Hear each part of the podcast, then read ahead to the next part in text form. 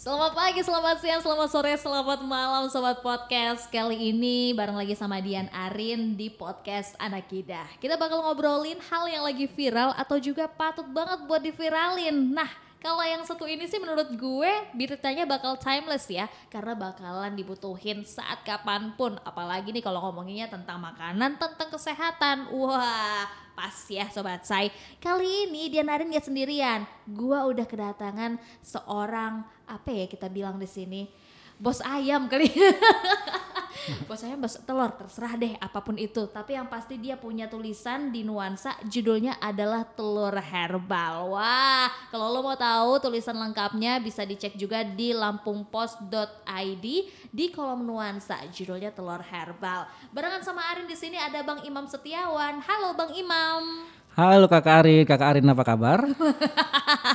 Wah, tumben ada tamu yang langsung nanyain kabar gue. Biasanya gue duluan yang kudu nanya. Kabar gue alhamdulillah sehat. Alhamdulillah. Alhamdulillah. Apalagi kalau kita habis ngonsumsi telur herbal, wih makin sehat. Betul sekali Kakak Arin. Bang, tapi ya mungkin kalau gue pribadi kan jujur ya, gue mengenal telur herbal itu setelah dikenalin nama lo. Ya. Sebelum-sebelumnya belum pernah tahu gitu. Nah, sebenarnya fenomena telur herbal ini apakah memang bisa dibilang baru? Apakah gua yang kudet jadi gua baru tahu apa gimana ya, Bang? Eh tuh, bicara telur herbal, sebetulnya saya juga sih eh, mungkin sama dengan Arin ya. Belum lama mendapatkan informasi tentang telur herbal itu sendiri, Arin. Jadi telur herbal ini dia ada di Kabupaten Lampung Timur. Ada salah satu farm di sana, namanya Skuntum Herbal Farm, yang memang dari farm itu mengeluarkan telur yang diberi nama itu eh, telur herbal. Awalnya sih kan agak aneh ya, kok telur herbal gitu. Herbal ya herbal aja gitu kan? Iya. telur ya telur aja gitu kenapa telur herbal? Ternyata begini Rin. Kenapa kenapa telur ini dikasih nama telur herbal karena treatment obat-obatan eh, dan minuman dari pemberian ke si ayam ini menggu- sudah menggunakan herbal. Jadi dia nggak pakai obat-obatan kimia lagi Rin. Misalkan gini ya Rin ya. Misalkan eh, ayam itu kan ada salah satu penyakit di ayam. Sebut aja misalkan eh, telo. Telo tuh kayak atau berak Bang? hijau. Oh, gitu itu salah satu penyakit ayam yang diakibatkan oleh bakteri Oh, baik. Nah, biasanya kan eh kalau peternak itu umumnya kalau ayamnya sakit, oke dia beli obat, diobatin lah ayamnya gitu. Ah, pakai kimia. Kayak kimia dan sembuh gitu kan. Nah, Ah. kalau di Skuntum Herbal Farm ini obat-obatan dia udah nggak pakai obat-obatan kimia lagi, Pakai herbal. pakai herbal. Oh. Jadi kebetulan memang si eh, pemilik farm Skuntum ini dia memang sangat menguasai tentang obat-obatan herbal Rin. Jadi dia bisa bikin formulasi dari tanaman herbal untuk yang sesuai dengan dosis dari si sakitnya ayam itu tadi Rin. Ah. Jadi kayak gitu. Keren ya. Kalau misalkan kita kan kadang dalam pikiran kita itu kalau herbal tuh ya apa ya eh, rempah-rempah rimpang gitu kan ya. Terus telur telur ini kan sebenarnya sebenarnya adalah protein gitu. Betul. Ternyata oh begitu sobat podcast di mana ad- adalah si telur ayam ini sendiri dihasilkan dari ayam-ayam yang dia memang mengonsumsi herbal. Nah, herbal yang disiapin ini apakah memang hanya untuk pengobatan aja atau dalam dia eh, konsumsi hariannya atau gimana tuh, Bang? Eh, herbal yang diberikan di Skuntum Herbal Farm ini ini rutin ya Rin. Jadi sebenarnya prinsip yang dilakukan di sana itu eh, pencegahan itu lebih baik daripada mengobati gitu. Karena memang sakit di ayam itu biasanya disebabkan oleh eh, farm yang bisa dibilang nggak higienis gitu Ah, Oke, oke. yang kotor gitu. Jadi jika memang pencegahan memang dilakukan dari sebelumnya, maka penyakit-penyakit di eh, sebut aja di ayam itu itu akan akan akan sangat jarang terjadi. Oh.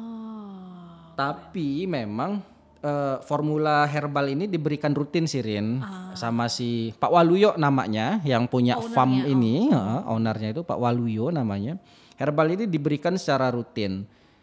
Jadi dibuatkan se- semacam formulasi dari campuran bahan-bahan herbal. Herbalnya juga herbal yang sudah teruji secara klinis yang memang juga eh, biasa dikonsumsi oleh manusia untuk tujuan penyembuhan. Nah, jadi herbal-herbal seperti itu yang dipakai. Oh. Jadi diben- dibikin dalam bentuk cairan dan cairan itu dimasukin ke dalam eh, aliran minumannya si ayam itu, Ren. itu. Jadi rutinnya kayak gitu.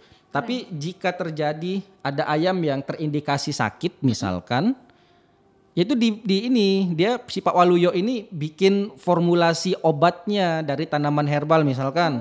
Si ayamnya ini kena pilek gitu kena ngorok pilek. Nah jadi si Pak Waluyo ini dia tahu Oke. obat obat eh, pilek dan ngorok ayam ini campuran herbal apa dengan herbal apa dengan herbal apa dicampur jadi satu sehingga eh, menjadikan formula herbal tadi itu menjadi obat ngorok dan pilek. Nah misalkan kayak gitu Rin. Jadi betul-betul dia udah nggak pakai obat lagi. Oh, sehingganya telurnya ini menjadi sehat dan bebas dari antimikrobial resisten. Oh baik baik baik. Ini berarti kan salah satu benefitnya itu tadi ya. eh, ternyata telur yang dihasilkan itu lebih sehat. Nah gue pernah lihat juga tuh videonya. Ternyata dari penangkaran eh penangkaran apa namanya kandangnya kandangnya sendiri itu sterilnya luar biasa ya. Ada penempatan dia kalaupun memang harus masuk ada warnanya tersendiri. Kemudian juga itu pasti kalau dari segi sterilisasi itu kan akan berpengaruh terhadap kesehatan dari ayam-ayam itu sendiri ya bang ya. Nah tapi kalau misalnya kita bicara tentang manfaat atau kelebihan dari telur herbal. Nah tadi kan sudah eh, bang Imam sebutkan eh, ternyata dia juga akan anti apa tuh bang tadi namanya bang? Anti. Antimikrobial resisten. Nah itu apa sih bang?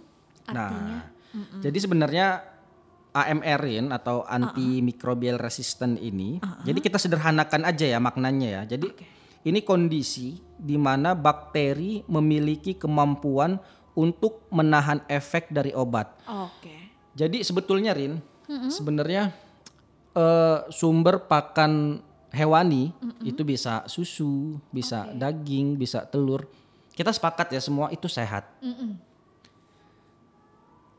Itu karena kita nggak tahu Rin. Ah, ah. Sehat itu bila mana telur yang dihasilkan itu tidak mengandung residu antibiotik. Sehat itu jika daging yang dihasilkan tidak ada kandungan residu antibiotik. Sehat itu jika susu yang dihasilkan dari ternak yang tidak mengandung residu antibiotik. Tapi Rin, ketika kita mengkonsumsi tiga makanan sehat itu tadi dan ternyata di dalamnya terpapar residu antibiotik itu sangat berbahaya Rin buat kesehatan. Oke, itu nantinya akan ada dampak umum yang sebenarnya kalau udah numpuk baru kerasa gitu ya bang ya. Oke, Dia nggak berasa Rin. ah malah Kita itu nggak sadar kalau itu tuh udah numpuk. serem banget dong. Serem makanya tugas kita adalah kita harus bisa memastikan makanan eh, sumber makanan hewani ya itu s- bebas dari residu antibiotik.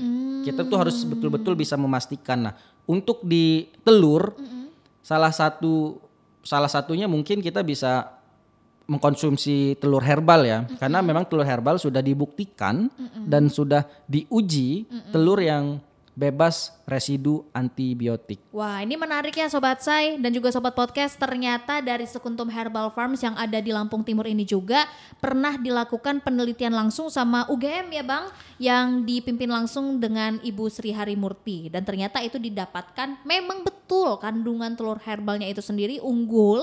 Kemudian juga ternyata eh, ada zat-zat baik dari pemberian herbal yang dikonsumsi ayam secara rutin yang tentunya akan menambah kebaikan nutrisi dan juga kualitas telur. Wah, kalau kita sekarang ngobrolin tentang telur herbal ini kan beberapa orang kadangan juga bilang gini, ah mahal. Tapi kan kita lihat juga harga telur biasa sekarang juga lagi mahal. Sebenarnya kalau kita bicara tentang sehat sih, kayaknya memang kita perlu effort lebih ya bang ya.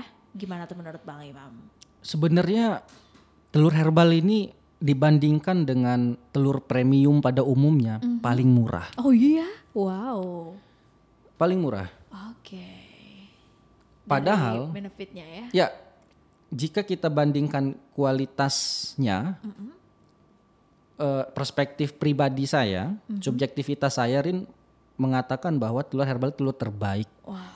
Karena yang telur-telur premium yang lain-lainnya itu, itu masih ada resiko kontaminasi dari paparan antibiotik.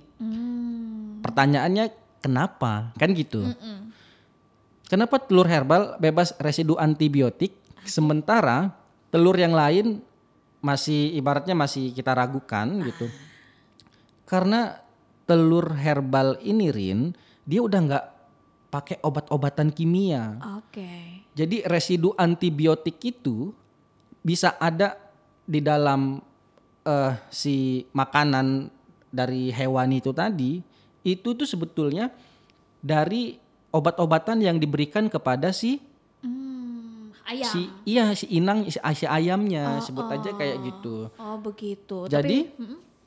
eh telur herbal ini karena dia nggak nggak ada asupan antibiotik sama sekali baik di makanannya, baik di minumannya, baik di obat-obatannya bisa dipastikan 100% bebas dari paparan antibiotik. Wish, mantap amat nih sobat podcast. Tapi kalau misalnya kita bicara tentang apa yang kita makan, itu juga kan akan berpengaruh terhadap kesehatan tubuh kita nih sobat podcast. Memang gak ada salahnya ya kita bisa menginvestasikan kesehatan kita dengan memilah-milih apa yang mau kita makan. Jangan sampai mungkin udah kayaknya yang penting kenyang doang, eh hasilnya malah nggak baik di badan ya kan. Pesannya Bang Imam deh terakhir buat sobat podcast silakan Bang Imam.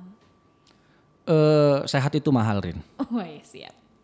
Sehat itu mahal sekali lah. Jadi artinya tetap jaga kesehatan. Makan makanan yang bergizi, yang bagus, ikuti protokol kesehatan sesuai dengan aturan yang sudah dikeluarkan oleh pihak-pihak terkait.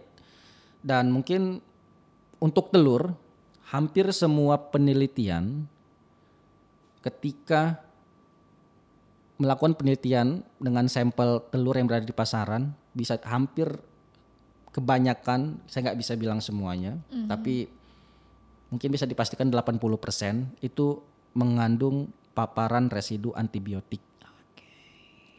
Dan itu bahaya sekali antibiotik ini menjadi isu global. Bahkan FAO eh, memprediksi bahaya AMR ini lebih dari bahaya pemanasan global. Waduh. Ini terakhirin, kita bisa analogikan. Sekarang ini banyak kasus terjadi seperti ini. Ibunya sehat, bapaknya sehat. Makanan-makanan yang dikonsumsi oleh si ibu itu sehat. Si ibu ini sedang hamil misalkan. Harusnya anaknya itu terlahir sangat sehat. Sehat. Karena teorinya pasti seperti itu. Ya. Karena dia makan telur yang banyak, makan daging yang banyak gitu, makan minum susu gitu. Tapi Rin, ketika makanan yang dikan, yang dimakan oleh si ibu tadi itu ada paparan anti zat antibiotikanya, maka itu bisa masuk ke rahim si ibu Aduh. dan paparan zat antibiotikanya itu masuk ke anaknya, makanya ketika lahir itu banyak kita banyak kasus yang anaknya tidak sehat atau eh, anaknya terlahir dengan normal, tapi keti- ketika dia sakit susah sekali disembuhkan. Oke. Nah, kenapa susah sekali disembuhkan? Karena zat antibiotikanya aktif sehingga bakteri-bakterinya menjadi kebal terhadap obat. Nah, sebenarnya bahayanya residu antibiotik itu di situ Rin. Kita kebal ter- terhadap obat. Artinya ketika eh, bakteri sudah kebal terhadap obat, kita sakit flu aja itu bisa menyebabkan kematian Rin. Ah, nauzubillah min zalik. Iya sih ya. Karena obat udah nggak Mempan. mempan. Iya. Ya, sederhananya kayak gitu. Ya, Betul, betul, betul. Jadi sebenarnya memang dalam uh, perjalanan kita saat ini penggunaan yang namanya senyawa kimia itu tuh memang apa ya bisa dibilang tuh bukan lagi sedikit, kayaknya tuh sering banget. Tapi ya kalau kita bisa untuk usahakan nih sobat podcast untuk meminimalisir penggunaan senyawa-senyawa kimiawi apalagi dalam sifatnya adalah obat begitu. Tentu ini akan menjadi lebih baik dan salah satunya adalah dengan mengonsumsi makanan-makanan yang ternyata memang memiliki benefit baik karena memang tidak ada kandungan-kandungan residu dari senyawa kimia. Thank you Bang Imam atas uh, ilmunya, kemudian juga informasinya yang sangat bermanfaat. Mungkin akan banyak juga sobat podcast yang belum mengenal hal ini. Semoga mencerahkan juga untuk mereka pasti ya. Terima kasih Bang Imam. Ya, sama-sama Arin atas waktunya dan kesempatannya. Siap. Nah, sobat podcast buat kamu juga yang penasaran banget dengan telur herbal ini apa, lu bisa langsung untuk cek tulisan dari Bang Imam Setiawan di kolom nuansa lampungpost.id dan juga tungguin ya untuk episode-episode selanjutnya di Anak Kita.